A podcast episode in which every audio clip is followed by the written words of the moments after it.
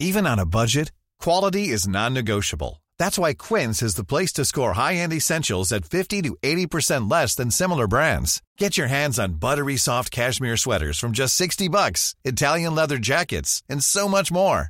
And the best part about Quince, they exclusively partner with factories committed to safe, ethical, and responsible manufacturing. Elevate your style without the elevated price tag with Quince. Go to quince.com slash upgrade for free shipping and 365-day returns. Wow. Nice. Yeah. What you're hearing are the sounds of people everywhere putting on Bombas socks, underwear, and t-shirts made from absurdly soft materials that feel like plush clouds. Yeah, that plush. And the best part? For every item you purchase, Bombas donates another to someone facing homelessness. Bombas. Big comfort for everyone. Go to bombas.com slash ACAST and use code ACAST for 20% off your first purchase. That's bombas.com slash ACAST. Code ACAST. Hej på er och välkommen tillbaka till Varför i helvete-podden med mig Sara. Jag vet att jag inte släppte ett avsnitt förra veckan men fördelen med det är att jag haft lite längre tid på mig att göra research för så här är det. I det här avsnittet så ska jag prata om prestationsångest, stress och bara det här jävla livskrisen vi har konstant och när slutar det? Hur hanterar vi det? Hur förklarar vi det psykologiskt? Och vad händer i kroppen? Oh, alltså vi ska gå igenom allting. Som vanligt som vet ni vid det här laget om ni har lyssnat på tidigare avsnitt att jag gillar att gräva i saker och researcha och komma på vad är det som händer rent liksom faktabaserat, biologiskt i våra hjärnor, i våra liv, varför tänker vi som vi gör, ja etc etc. Nej jag är ingen psykolog, nej jag har inte pluggat detta men Google finns. Så jag tänker att jag googlar och du lyssnar så kan vi lära oss någonting tillsammans. Nu kör vi.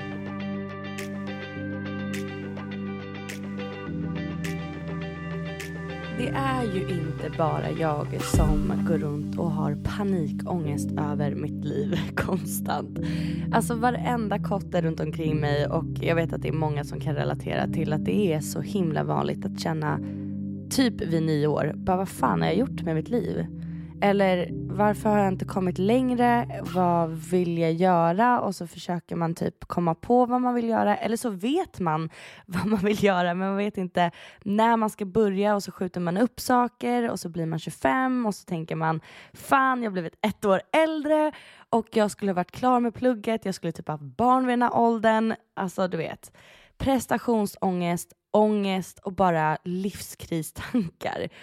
Och jag kom på att så här, det här är perfekt för mig att prata om för att jag fyller 25 snart, närmare bestämt 15 januari och jag bara börjar tänka så här, fan, jag är 25, jag är mitt i livet, mina vänner har typ barn, folk köper lägenheter, folk har sina drömjobb.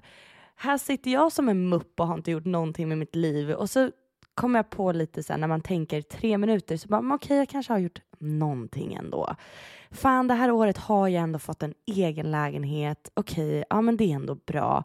Och sen tänker jag så ja men jag fick ändå mitt drömjobb och jag satte igång podden ändå och jag har faktiskt hållit igång träningen och fått nya relationer i mitt liv och vänner som är helt underbara. Och när man börjar tänka tillbaka och verkligen ger sig själv tiden att reflektera vad man har åstadkommit så kommer man ju oftast på att man har gjort jävligt mycket under året.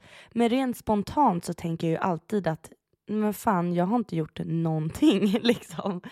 Men det är det här som är problemet. Jag tror att det är många som kan relatera eh, till just att man känner alltid att man har inte gjort tillräckligt eller man kunde ha gjort mer eller man vill ha mer.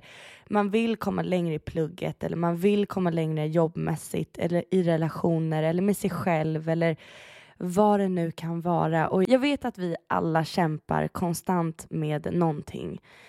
Och vi alla har ångest över någonting. Men idag i det här avsnittet så tänkte jag prata mer om prestationsångest. Och det gäller, det kan man ju placera i allt, alltså bara i plugg, jobb, familj, vänner, prestationsångest gentemot sig själv eller en partner, en alltså vad som helst. Jag tror att alla har lite för höga krav Alltså, jag tror verkligen det. Gud, vad var det där för del? Lite för höga krav. Nej, men jag tror att alla har liksom orimliga krav på sig själv. Och sen finns det ju grader i helvetet. Jag till exempel är en person som har väldigt höga krav. Jag har prestationsbaserad självkänsla. Um, både på gott och ont. Jag ska säga att så här, mycket är ju av det jag har åstadkommit, till exempel mitt drömjobb med radio, som radiopratare eller programledare har ju varit tack vare att jag känner att nej men jag vill ha mer. Men samtidigt så är det så jävla farligt och alla mina nära vänner som lyssnar på det här kommer verkligen stämma in på att, eller intyga på att jag blir aldrig nöjd jag, jag vet att så, här, så många gånger som jag suttit och bara, om jag bara hade en egen lägenhet, gärna på Kungsholmen. Om jag bara kunde säga att jag var programledare, då hade jag varit så jävla lycklig. Och sen sitter jag där tre månader senare och har fått en egen lägenhet och fått mitt drömjobb. Och ändå känner jag så här, men jag kunde ha blivit fastanställd. Eller när jag har hyrt en lägenhet på Kungsholmen så säger jag så här, ja men jag hade ju faktiskt kunnat köpt. Det hade varit bättre om jag hade ägt min egen lägenhet. Att jag liksom höjer ribban hela tiden istället för att stanna kvar och bara njuter att jag faktiskt har nått en, ett delmål eller en milstolpe. Men nej, istället så tänker jag, ja men jag blev ju faktiskt programledare men kontraktet säger att det är under den här tiden. Jag hade ju kunnat få ett bättre kontrakt. Men det roliga är, och jag tror att många kan relatera till det här, att det spelar ingen roll. Hade jag haft ett kontrakt som säger att du är den mest betalda programledaren i hela Sverige och du är fastanställd tills du själv säger upp dig, så hade jag ändå tänkt att ja, ah, men fan, jag hade kunnat vara programledare på ännu större program. Och sen när man är det, ja, ni fattar. Man hela tiden höjer ribban och man stannar inte upp och känner sig nöjd. Och det här är ju en person som har prestationsbaserad självkänsla eller bara har en liksom äh, ångest kring äh, sig själv, sitt liv och äh, vem man är. Och det kan ju också vara en prestationsångest som man har kring sig själv, men ofta så är det ju också att någonstans så vill man ju leva upp till förväntningar. Och nej, vänner kanske inte tänker så här, jag vill att du ska vara framgångsrik för att annars kan inte jag vara din bästa vän. Men någonstans så vill man ju uppnå någonting på grund av att det på något sätt höjer ens egna värde för sig själv men också runt omkring sig. Till exempel om jag har, typ nästan alla mina vänner har barn känns det som. Och någonstans så börjar jag ifrågasätta, även om jag innerst inne vet att jag vill inte ha barn och jag är inte där i livet, så blir jag ändå att jag ifrågasätter så här, fan, borde jag vilja ha barn? Alltså förstår ni vad jag menar? Att man börjar så här, men borde jag vilja det? Eller om eh, till exempel folk, vi, vi säger så här, om alla i min omgivning blir lärare och även om jag inte har haft intresset innan så kommer jag ju försöka matcha flocken genom att till exempel tänka så här, okej, okay, alla mina vänner är gymnasielärare. Borde jag också bli det? Fast man egentligen inte alls vill bli det så blir det liksom att man börjar tänka så här och frågesätter sig själv och bara fan, det kanske är fel väg jag går för att alla andra går den här vägen. Vi vill ju gärna härma vår omgivning och vi är ju djur så att vi vill ju alltid konkurrera ut andra djur. Um, och det gör man ju oftast omedvetet men ibland också medvetet. Och idag i det moderna samhället så är vi ju också personer som vi behöver inte gå och mörda eller döda eller liksom eh, vara starkast i flocken för att få en partner utan idag har ju vi blivit människor som så här, vår, vårt värde och liksom vårt syfte handlar ju mer om vilka vi är och status och vad vi har typ materiella ting, alltså kapitalistisk värld liksom. Så det är det som har blivit vår, vår grej nu.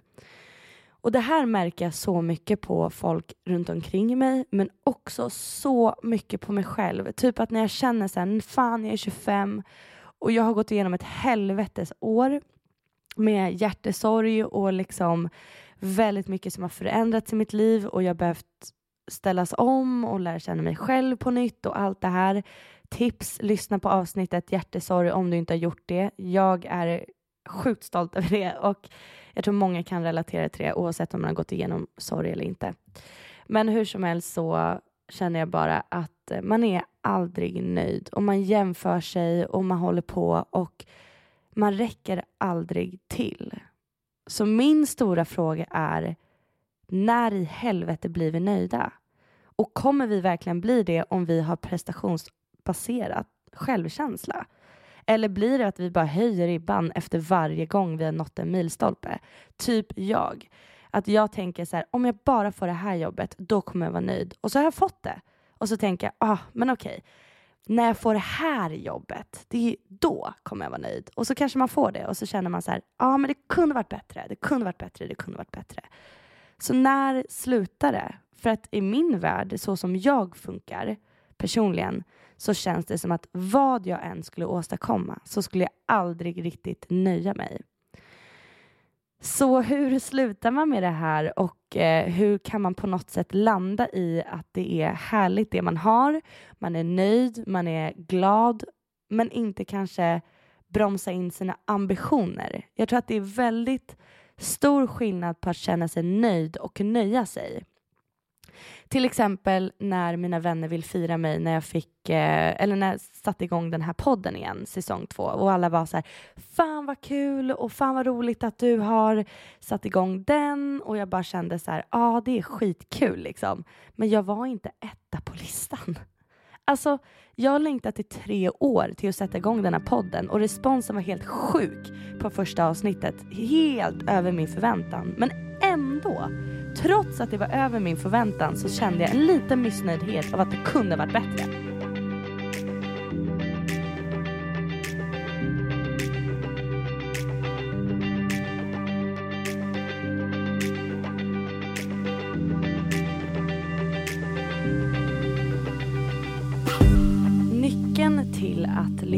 Är att förstå hur prestationsbaserad självkänsla man har och jobba bort den men fortfarande ha ambitionerna kvar och att vara liksom eh, målmedveten. Det är så viktigt att förstå den skillnaden för så här är det. När man känner att man misslyckas så kan man få en skamkänsla vilket leder till att misslyckanden i liksom, som leder till skamkänsla gör att du undviker vissa saker, vilket blir så extremt kontraproduktivt till att lyckas med det du vill göra. Ett exempel till att man undviker någonting på grund av skamkänslan kan ju vara till exempel jag har skjutit upp den här podden säsong två i år för att jag har känt att ja, men fan, jag, jag har nästan inte vågat liksom kicka igång den för att jag tänker att när jag väl gör det så vill jag göra det så bra som möjligt. Och jag är rädd för misslyckanden. Och det skulle ge mig en skamkänsla. Vilket i sin tur gör att jag skjuter upp i att ta tag i min podd för att jag är rädd för att misslyckas. Och det här är så farligt för att om man är så besatt av att vara per, liksom perfekt, för oftast när man är liksom, eh, har prestationsångest så är många också perfektionister, vilket är så jag. Jag vill göra någonting hundraprocentigt och är det inte hundra procent, då känner jag mig inte nöjd. Och känner jag mig inte nöjd så är det inte kul och då undviker jag det, vilket är så dåligt. Är man en person som får en skamkänsla eller liksom ja, men, värderar sig mindre eller mer på grund av prestation så blir det ju också att man undviker vissa saker. Till exempel om du testar en ny sport eller en kurs och så går det skitdåligt. Ja, då undviker du den handlingen igen genom att till exempel söka en ny kurs eller en ny sport eller testa andra grejer. Och det här är så farligt för att när man känner en så stark misslyckande känsla då blir man också så begränsad till att göra vissa saker eller fortsätta. För man kanske inte är bäst på någonting från början i plugget, på jobbet, bland vänner. Man kanske inte är socialast, man kanske inte är den roligaste. Men om man värderar sig själv utifrån det och fokuserar på det så glömmer man ju sina andra kvaliteter eller att man faktiskt kan bli bra på det. Och det är så farligt när man till exempel vill mm, eh, lyckas inom karriär och jag kan relatera till det så mycket att jag testar någonting och så känner jag så här, fan det här gick inte 100%. Ja, då undviker jag det. Sen är det så jäkla viktigt att bli medveten om sina undvikande impulser. Och ett undvikande impuls är ju till exempel det här då att man undviker göra samma handling igen för att när man testade första gången då gick det inte bra och det tog på självkänslan. Det man ska göra då för att liksom få bort det här är att göra motsatsen. Bredda beteenderepertoar. Alltså att du känner till exempel, om du känner att du absolut inte vill söka en viss kurs för att du är rädd att misslyckas. Det är då du absolut ska söka den kursen. Så du ska gå emot den här impulsen 100% och göra exakt tvärtom. Om du till exempel att du, eh, du är i ett socialt sammanhang och eh, senast du var på en middag så sa du ett skämt och ingen skrattade då är det most likely att du får den där undvikande impulsen genom att inte dra det här skämtet igen eller något skämt någonsin kanske igen vid en middag. När du får den här impulsen då, så gå på den här middagen och dra det här skämtet igen bara för att göra motsatsen och inte begränsa dig själv på grund av prestation eller skamkänsla. Så det är ett hett, hett tips att bredda beteenderepertoar genom att göra motsatsen till det som du egentligen är rädd för. Och skit i den här impulsen av att det finns ja, men en skrämmande impuls av att du kan misslyckas. Så det är ett jättestort tips.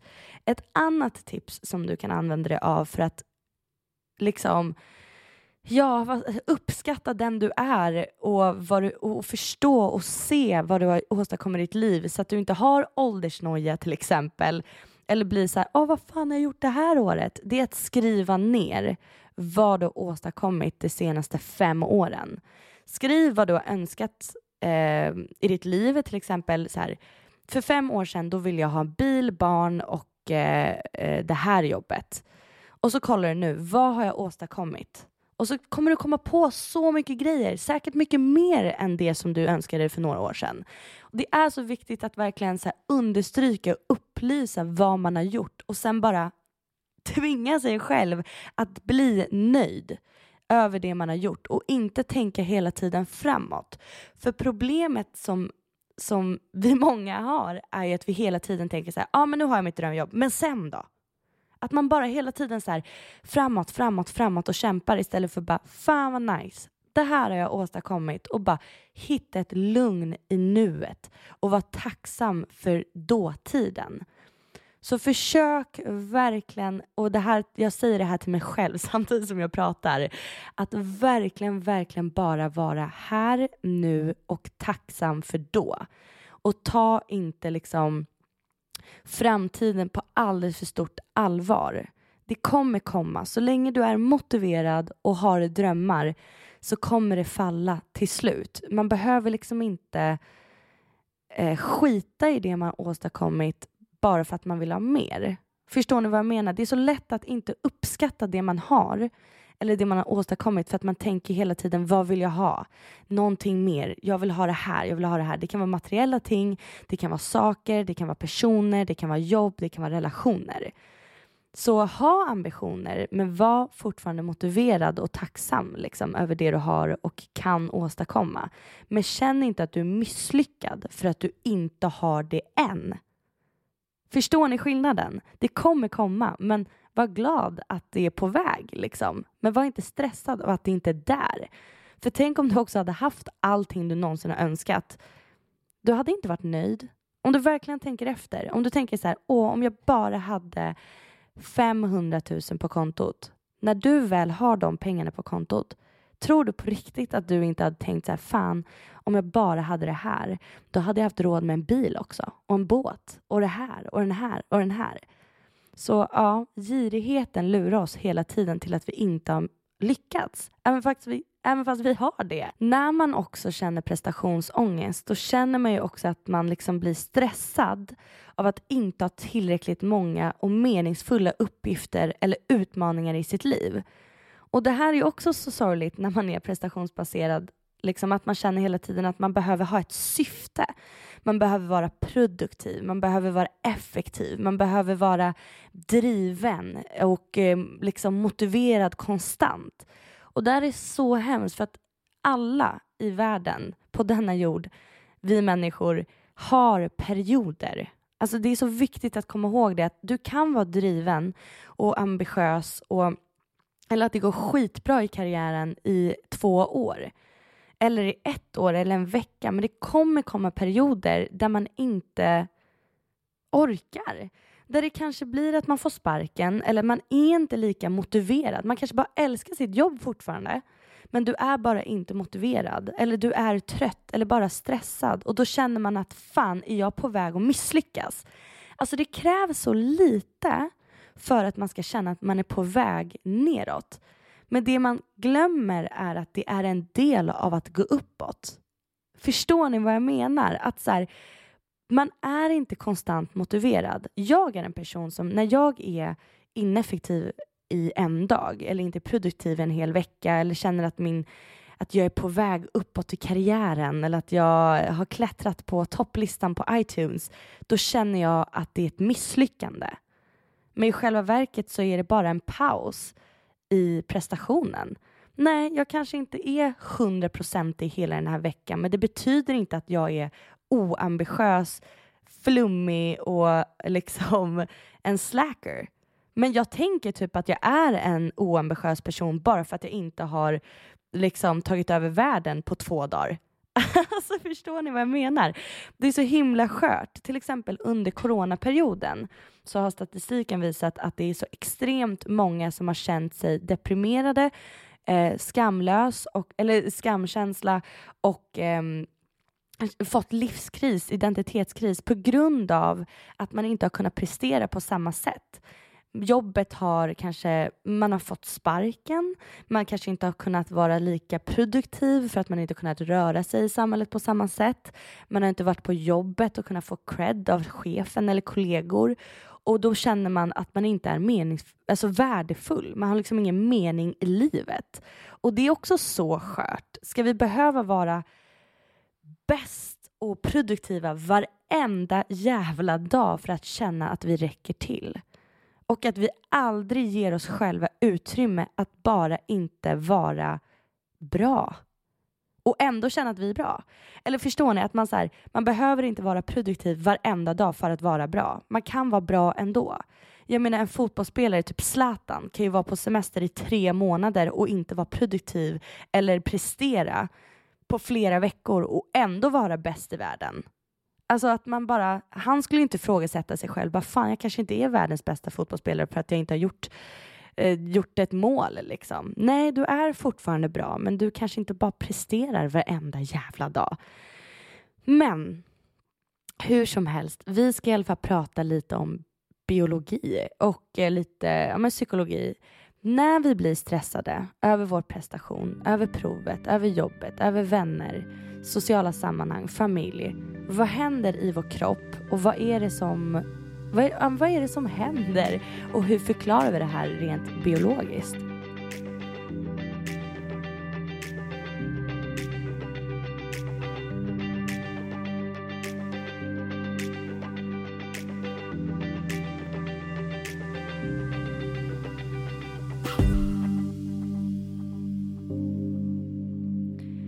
Ja hörni, det här med stress så är det ju så att när man känner prestationsångest då blir man ju stressad. Eh, och det är det jag känner, att jag är stressad. Jag fyller 25 snart, fan vad ska jag göra med mitt liv, vad har jag gjort, bla bla bla bla bla. Och så här är det, stressreaktioner har ju tidigare varit nödvändigt för oss människor att överleva. Men i det här moderna samhället så behöver du ju sällan kämpa rent fysiskt för att överleva. Men ändå händer ju typ samma saker i kroppen oavsett om du upplever ett verkligt hot, att du blir typ jagad av en person eller ett djur, eller om det är att du bara känner att du eh, är stressad för att springa ikapp en buss. Hjärnan förstår inte om du är utsatt för fara på riktigt, alltså så här, på liv och död, eller om du bara är stressad över att gå och handla eller hämta barnen. Um, och det är det som har gjort att vi fortfarande har de här stressreaktionerna kvar. Stressreaktionen sätts också även igång eh, vid psykiska ansträngningar. Till exempel om du blir arg på eh, någon eller då blir stressad över prestation eller whatever så sätter du också igång samma kemiska reaktion som händer i kroppen. Och det som händer bara så här, rent snabbt så är det ju att eh, hjärtat börjar klappa till exempel. Blodflödet börjar liksom sättas igång i kroppen och det ger ju en, en förmåga till människan att till exempel springa från faran. Um, det är därför också vi är så jävla, lite sidospår, men också rolig fakta. Varför vi människor är sockerberoende är ju för att socker förr i tiden var ju det snabbaste sättet att få energi. Um, och det är därför vi fortfarande är så jävla besatta av socker idag, för att det har varit överlevnadsvärde i, i just eh, socker. Men det är så jäkla intressant det här med vad saker som vi har behövt, alltså reaktioner och egenskaper vi har haft förr i tiden för överlevnadsvärde inte är egentligen nödvändiga nu, men vi har dem fortfarande. Ja, men till exempel att det sker exakt samma sak i vår kropp som när människor för tusen år sedan blev jagade av björnar. Liksom. Um, och vi känner exakt samma sak, st samma stressreaktion sker i oss när vi till exempel är stressade över bussen. Alltså förstår ni vad den här moderna världen har förändrats men att våra kroppar och reaktioner och hjärnor är exakt likadana på något vis. Um, så det vill säga att hjärnan kan inte Planning for your next trip? Elevate your travel style with Quince. Quince has all the jet-setting essentials you'll want for your next getaway, like European linen, premium luggage options, buttery soft Italian leather bags, and so much more. And is all priced at 50 to 80% less than similar brands. Plus, Quince only works with factories that use safe and ethical manufacturing practices. Pack your bags with high-quality essentials you'll be wearing for vacations to come with Quince. Go to quince.com/pack for free shipping and 365-day returns. Hey, it's Ryan Reynolds and I'm here with Keith, co-star of my upcoming film If, only in theaters May 17th. Do you want to tell people the big news? All right, I'll do it. Sign up now and you'll get unlimited for $15 a month in six months of Paramount Plus Essential Plan on us. Mintmobile.com slash switch. Upfront payment of $45 equivalent to $15 per month. Unlimited over 40 gigabytes per month. Face lower speeds. Videos at 480p. Active Mint customers by 531.24 get six months of Paramount Plus Essential Plan. Auto renews after six months. Offer ends May 31st, 2024. Separate Paramount Plus registration required. Terms and conditions apply if rated PG. Many of us have those stubborn pounds that seem impossible to lose, no matter how good we eat or how hard we work out. My solution is PlushCare. PlushCare is a leading telehealth provider with doctors who are there for you day and night to partner with you in your weight loss journey. They can prescribe FDA-approved weight loss medications like Wagovi and Zepbound for those who qualify. Plus, they accept most insurance plans. To get started, visit plushcare.com slash weight loss. That's plushcare.com slash weight loss. Skilja på riktiga hot. Um, Så ja, det är väl det basically. Rent biologiskt kortfattat.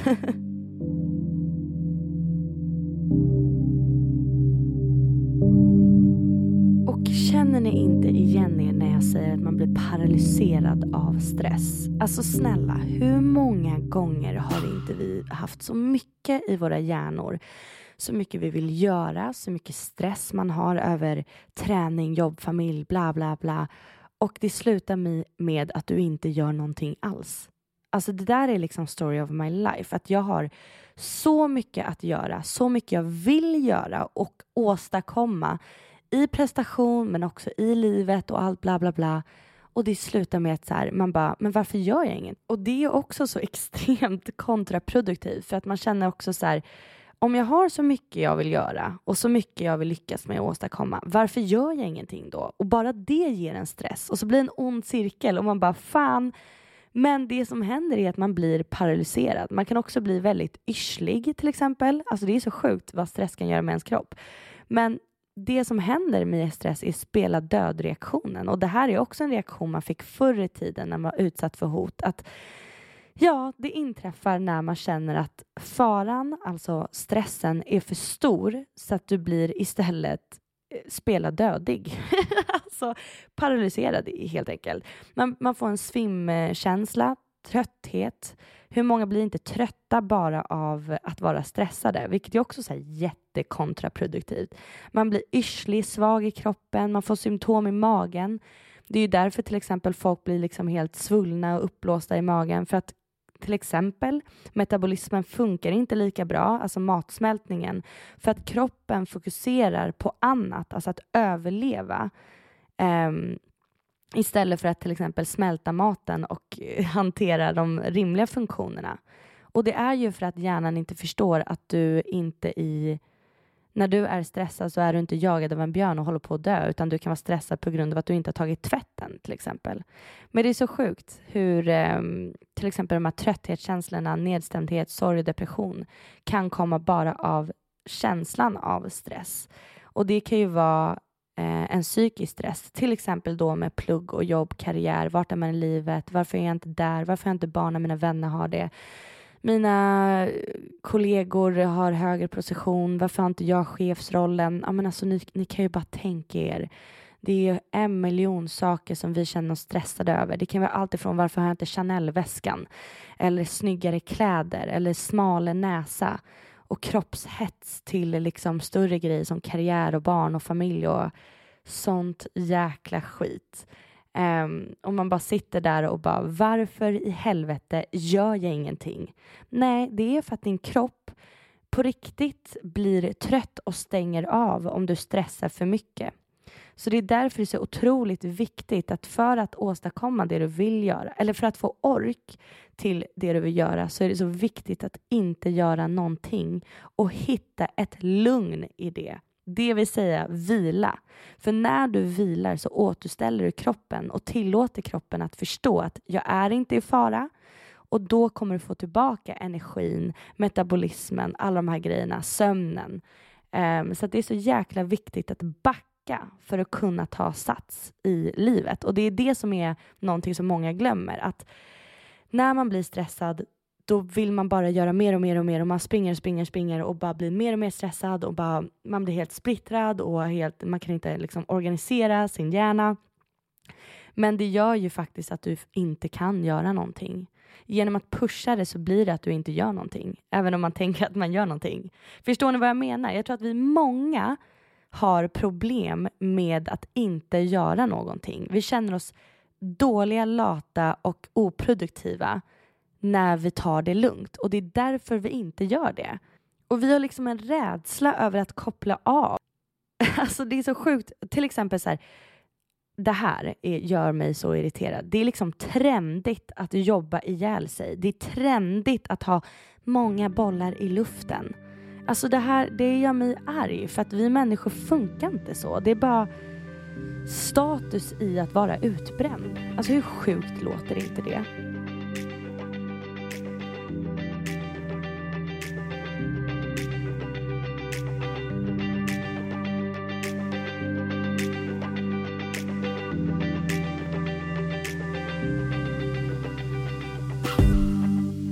Ja, och hur svårt är det att förstå vilka krav det är som är rimliga och orimliga? Alltså för mig känns det rimligt att tänka att hamna etta på topplistan på iTunes efter första avsnittet på den här podden är jätterimligt. Och så här, det är så svårt och det, det, är en sån jävla vattendelare för att man vill ju tro på, på sig själv och hö, ha liksom höga förväntningar och tänka så här, ja det är klart att jag kan hamna etta efter mitt första avsnitt av Varför i helvete podden. Men det är också en fin balans att så här, frågesätta sina krav och förväntningar utan att frågesätta sin förmåga och kompetens. Och det är någonting jag konstant gör i mitt liv. För jag vill ha höga ambitioner. Jag vill liksom känna att jag tror på mig själv och jag vet att så här, men jag kan, om, om, om eh, eh, liksom, ja, Bianca Ingrosso kan vara etta på topplistan på, eh, på, med sin podd efter första avsnittet. Varför kan inte jag? Men samtidigt så är det också viktigt att så här, ja, du har hög förmåga, du har en kompetens, men kanske våga ändå frågesätta så här, är det rimligt krav? Ja, kanske inte. Eller tänka så här, ja, jag vill hämna etta på listan. Men det är okej okay om jag inte gör det. det. Jag ska inte frågesätta mig själv om jag inte gör det. Förstår ni? Så återigen, så här, fin balans att ifrågasätta sina krav och förväntningar utan att ifrågasätta sig själv. Liksom. För man ska ju ha bra självkänsla och självförtroende, men, eh, men också skilja på så här, vad är rimligt och orimligt. Varför känner jag mig misslyckad fast man kanske praktiskt sett har lyckats? Liksom. Och så här, typ ni som pluggar, att så här, det är att lyckas genom att bara få ett E på ett prov. Eller det är att lyckas att bara komma in på en linje eller söka en linje. Alltså förstår ni att så här, nej, man, tänk, man har en så skev bild på vad att lyckas är i livet och det är därför vi alltid trampar hela tiden och aldrig bara är nöjda. Ja men till exempel att så här, jag tänker ju, och, ja men första steget, första lyck, lyckandet, eller vad säger man? Att, att sätt att lyckas är att komma in på en linje. Men sen kommer jag tänka så här, men nu har jag kommit in på den här kursen. Ja, då vill jag ha ett A.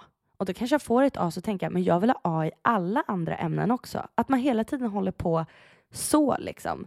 Istället för att tänka så här, jävlar, jag kom in på den här linjen och bara nöja sig där. Och nu gör jag bara mitt bästa på proven och på uppsatserna och tentorna och är nöjd när jag har gjort mitt bästa. Så länge jag gör det jag kan, då är jag nöjd med det resultatet jag får. Att man liksom landar i det istället för att tänka att det ska stå ett A på mitt papper för då är jag bra. Det är så jäkla hemskt egentligen. Och det som blir farligt också är ju liksom att så här, när man lider av prestationsångest så försöker man också lindra sin ångest. Och det kan man ju uttrycka sig genom att till exempel undvika prestationsbaserade situationer. Till exempel att man börjar byta jobb eller yrkesbana eh, när ångesten blir för hög eller förbereder sig minu alltså minutöst inför olika uppgifter gör om uppgifter flera gånger för att få det liksom ännu bättre eller så här, rätta till det och känna sig, men nu kanske blir nöjd. Nej, men jag skriver om det här igen. Då blir jag ännu mer nöjd. Man lägger liksom för mycket tid och energi på att få uppgifter att bli perfekta och försöka uppnå någonting som egentligen kanske är omöjligt. Och det, det, det som är viktigt att göra, och det här är lite tips för att lösa det här, är att så här, Zona ut i två minuter. Det är skitviktigt och det här är psykologer som har rekommenderat att använda sig av två minuters regeln. Till exempel att zona ut och se misslyckande, misslyckanden som erfarenhet istället. Att spola fram sin tid, kanske fem tio år och tänka, men hade det här betytt någonting då? Ja men 2030, kommer jag bry mig om det här då? Nej, most likely så kommer du inte bry dig. Det här lite så här, vad gör det om hundra år-tänket. Att så här, okej, okay, jag gav eh, gick fram och raggade på en kille. Ja, han sa nej. Ja, det är ett misslyckande. Men se det istället som en erfarenhet och istället tänka så här, men okej, okay, istället för att älta det i hjärnan så bara zona ut, om tio år, kommer jag bry mig om det här? Nej. Vem är den här Lars-Ove vid baren som inte vill ge ut sitt nummer liksom? Vem fan bryr sig? Att lite så här borsta av det här och zona ut och bara okej, okay, hur jävla viktigt är det? Så man inte ältar saker. Och, och en annan grej som man kan göra är att så här, komma ut ur de negativa tankebanorna genom att identifiera ältandet. Vad är det du ältar? Bli medveten om den och sen bryta den. Och det gör du till exempel med den här två minuters regeln att distrahera, distrahera kroppen men också hjärnan med något annat.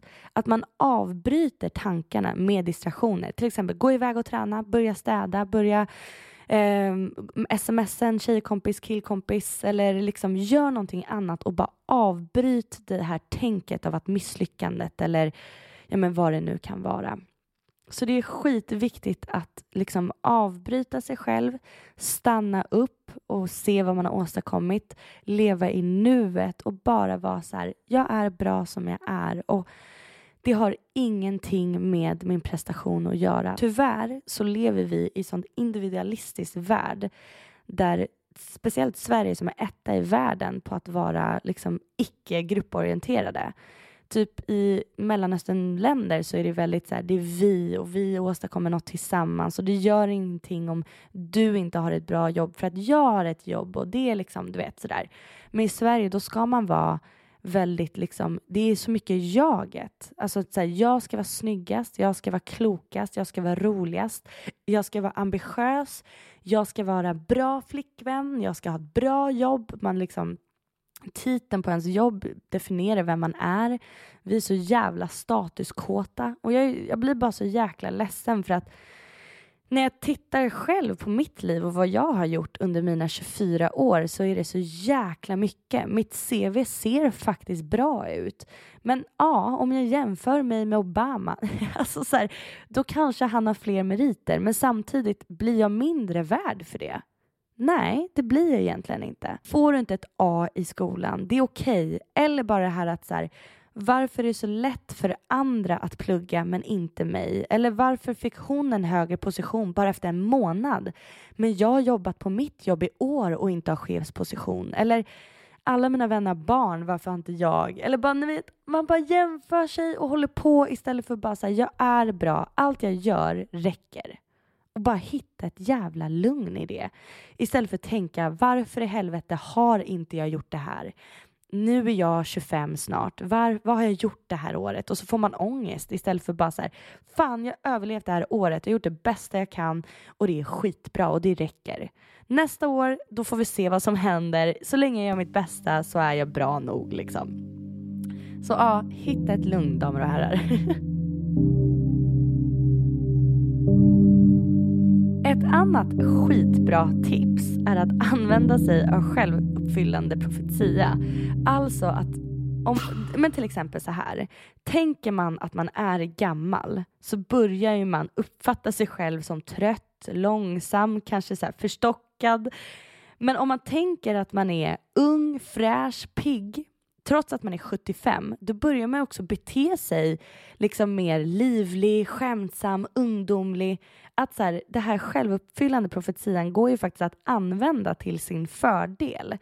Att bete sig liksom, men så här, ha ryggen rak och tänka det jag har gjort, även om du inte har åstadkommit ett skit. Vi säger att du har legat på soffan ett helt år och bara käkat chips och kollat serier. Men om du ställer dig upp en dag, sätter på dig en kavaj och går ut och bara håller i en, en dator och tänker att jag är en businesswoman, då kommer ju du bete dig så. Du kanske liksom håller i en tidning och börjar läsa den och så tänker du så här, men fan, jag är ändå produktiv idag. Man nästan lurar sig själv till så här. Fake it until you make it. Att tänka liksom att så här, jag är framgångsrik, jag har åstadkommit så jävla mycket, jag är liksom skitbra flickvän, jag är skitbra kompis, jag är bra familjemedlem, jag är asduktig i skolan, jag lär mig snabbt. Då kommer du också att göra det most likely. Man kan faktiskt lura sig själv till att vara någonting man inte är tills man börjar bete sig på det sättet eller göra handlingar efter det och kanske till slut faktiskt blir den personen man fejkade att vara från början. Så det är ett skitbra tips att fejka sin självkänsla och självförtroende och börja bete sig efter det. Till exempel tänk så här. Om jag var bäst i, på jobbet, om jag hade en chefsposition, hur hade mitt beteende varit och självkänsla? Åk till jobbet och bete dig som att du är en chef. Bäst på ditt jobb, du kan skitmycket. Då kommer du ju, liksom beter du dig så så kommer det också bli bra. Och så enkelt är den psykologin liksom. Testa det någon gång. Så det jag vill egentligen säga till dig som lyssnar just nu, att du räcker till. Och det är så jävla lätt att säga bara, men sluta bara ha själv liksom en prestationsbaserad självkänsla. Var bara nöjd och känn att du räcker till. Alltså snälla, jag är definitionen av en person som alltid vill lyckas. Och det kanske har med uppfostran att göra eller bara en dålig självkänsla eller att du har en bra självkänsla generellt i livet. Men du är bara extra prestationsbaserad. Jag tycker generellt att jag är en person, om jag får säga det själv, har en bra självkänsla. Jag tycker att jag har ett bra självförtroende. Men där det liksom blir bristande för mig, det är just det här med karriär och liksom att framgång. Jag vill ha en bra karriär. Jag vill vara framgångsrik. Och jag känner att vad jag än gör eller inte gör så känner jag att jag kan göra mer. Jag fick mitt programledarjobb som jag drömt om sedan jag var liten i somras och var lite glad men snabbt så blev jag påmind om att fan, men det är ändå liksom, jag är inte fastanställd. Och så började jag så tänka så och mina vänner bara, men skämtar du? Alltså du är programledare utan utbildning och du har kämpat liksom för att få det. Och du är bra. Och jag tänker så här, men är det kanske för att det inte är någon som har sökt jobbet. Jag kanske bara var den enda som sökte. Men i själva verket vet jag att det här jobbet fanns inte ens från början. Alltså jag fick ett jobb som egentligen inte var tillgängligt på grund av att jag förmodligen var duktig och de såg min kompetens och eh, att jag brann för det. Men det är svårt att se saker ibland och det jag vill säga till er är att jag vet att vi börjar närma nyår och många har en skön känsla inför det och tänker nystart, vi börjar om. Eh, jag är en person som tänker vad fan har jag gjort det här året? Helvete, ett nytt år, då ska jag eh, göra om och göra rätt. Men det är liksom så sorgligt. Jag vill stå där på min 25-årsdag, 15 januari och känna fan vilket jävla fett år. Jag har haft många, många, många tunga motgångar det här året. Men jag har ändå åstadkommit extremt mycket och verkligen tro på det och känna stolthet. Jag det viktigaste är ju att känna att man är stolt över sig själv. Men det är sorgligt när man börjar tänka att så här, när andra börjar tänka att du är bra, då blir du stolt till exempel. Och i mitt fall så spelar det ingen roll om andra är stolta över mig själv heller. För att hur mycket än folk ger mig komplimanger och säger att du är skitduktig, oh my god det här var jättebra, eller om jag ser på statistik att jag är etta på någon lista, så känner jag ändå att jag kunde ha gjort mer. Och det är någonting jag kommer vilja jobba på mer det här året, att bara vara i nuet, vara tacksam för dåtid och se fram emot framtiden och ha ett lugn i att det löser sig, det blir bra, livet kommer att komma till dig. Ta bara emot den. Barnen kommer komma i rätt tid, jobbet kommer komma i rätt tid, Eh, partnern kommer komma, vänner kommer komma om det är det du längtar efter. Det du vill ha i ditt liv kommer att komma till dig så länge du vill ha det och är motiverad och eh, tillåter dig själv att ge det tid. Framgång, relationer och allting kräver tid. Så är det. Så fort du pushar dig själv, då blir du stressad, vilket gör att din kropp kommer att stänga av och det är så vi fungerar.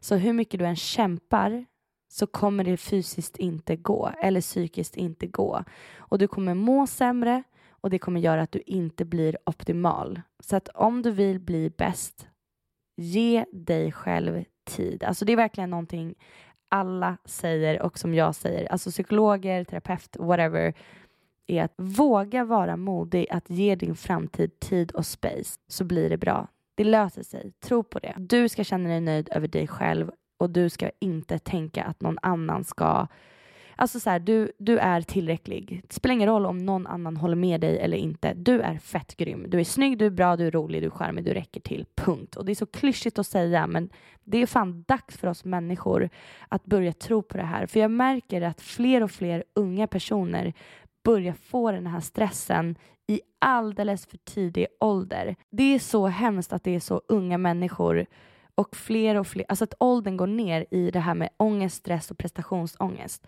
Och det är mer än hälften av de unga, 54 procent mellan 16 och 22-åringar som uppger besvär av ängslighet, oro eller ångest bara 2020. Förstår ni att 54 procent mellan 16 och 22-åringar känner de här känslorna? Och det är för att världen hela tiden trappar upp och förväntar sig mer och mer och mer och mer av människor, men vi hinner inte med. Och det går inte. Det är omöjligt och vi måste förstå det. Så för att bli bäst, återigen, jag vet att jag upprepar mig, så är det viktigt att vi ger tid och har ett lugn.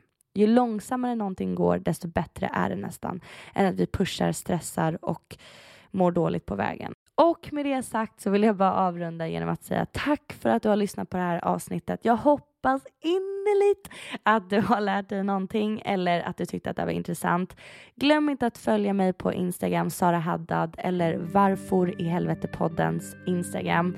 Jag uppdaterar massor där, där ni kommer få hjälpa till med frågor och påverka mig men också se vad nästa avsnitt kommer handla om. Skriv till mig om det här har gynnat dig på något sätt och glöm inte att dela på sociala medier, lämna recension och ja, det här tar tid och kärlek. Jag hoppas att jag kan få det tillbaka genom respons. Bra eller dålig, ge mig kritik, jag kan ta det.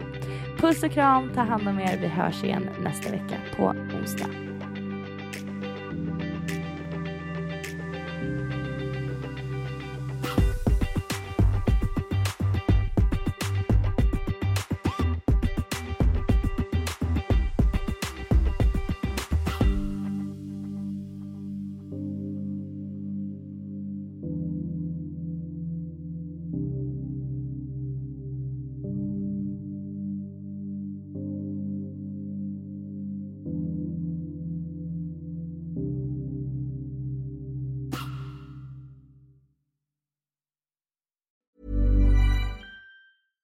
Ever catch yourself eating the same flavorless dinner three days in a row? Dreaming of something better? Well, HelloFresh is your guilt-free dream come true, baby. It's me, Kiki Palmer. Let's wake up those taste buds with hot, juicy pecan-crusted chicken or garlic butter shrimp scampi. Mm. Hello Fresh. Stop dreaming of all the delicious possibilities and dig in at HelloFresh.com. Let's get this dinner party started. Hey, it's Paige DeSorbo from Giggly Squad. High quality fashion without the price tag. Say hello to Quince. I'm snagging high-end essentials like cozy cashmere sweaters, sleek leather jackets, fine jewelry, and so much more. With Quince being 50 to 80% less than similar brands. And they partner with factories that prioritize safe, ethical, and responsible manufacturing. I love that. Luxury quality within reach. Go to quince.com slash style to get free shipping and 365 day returns on your next order. Quince.com slash style.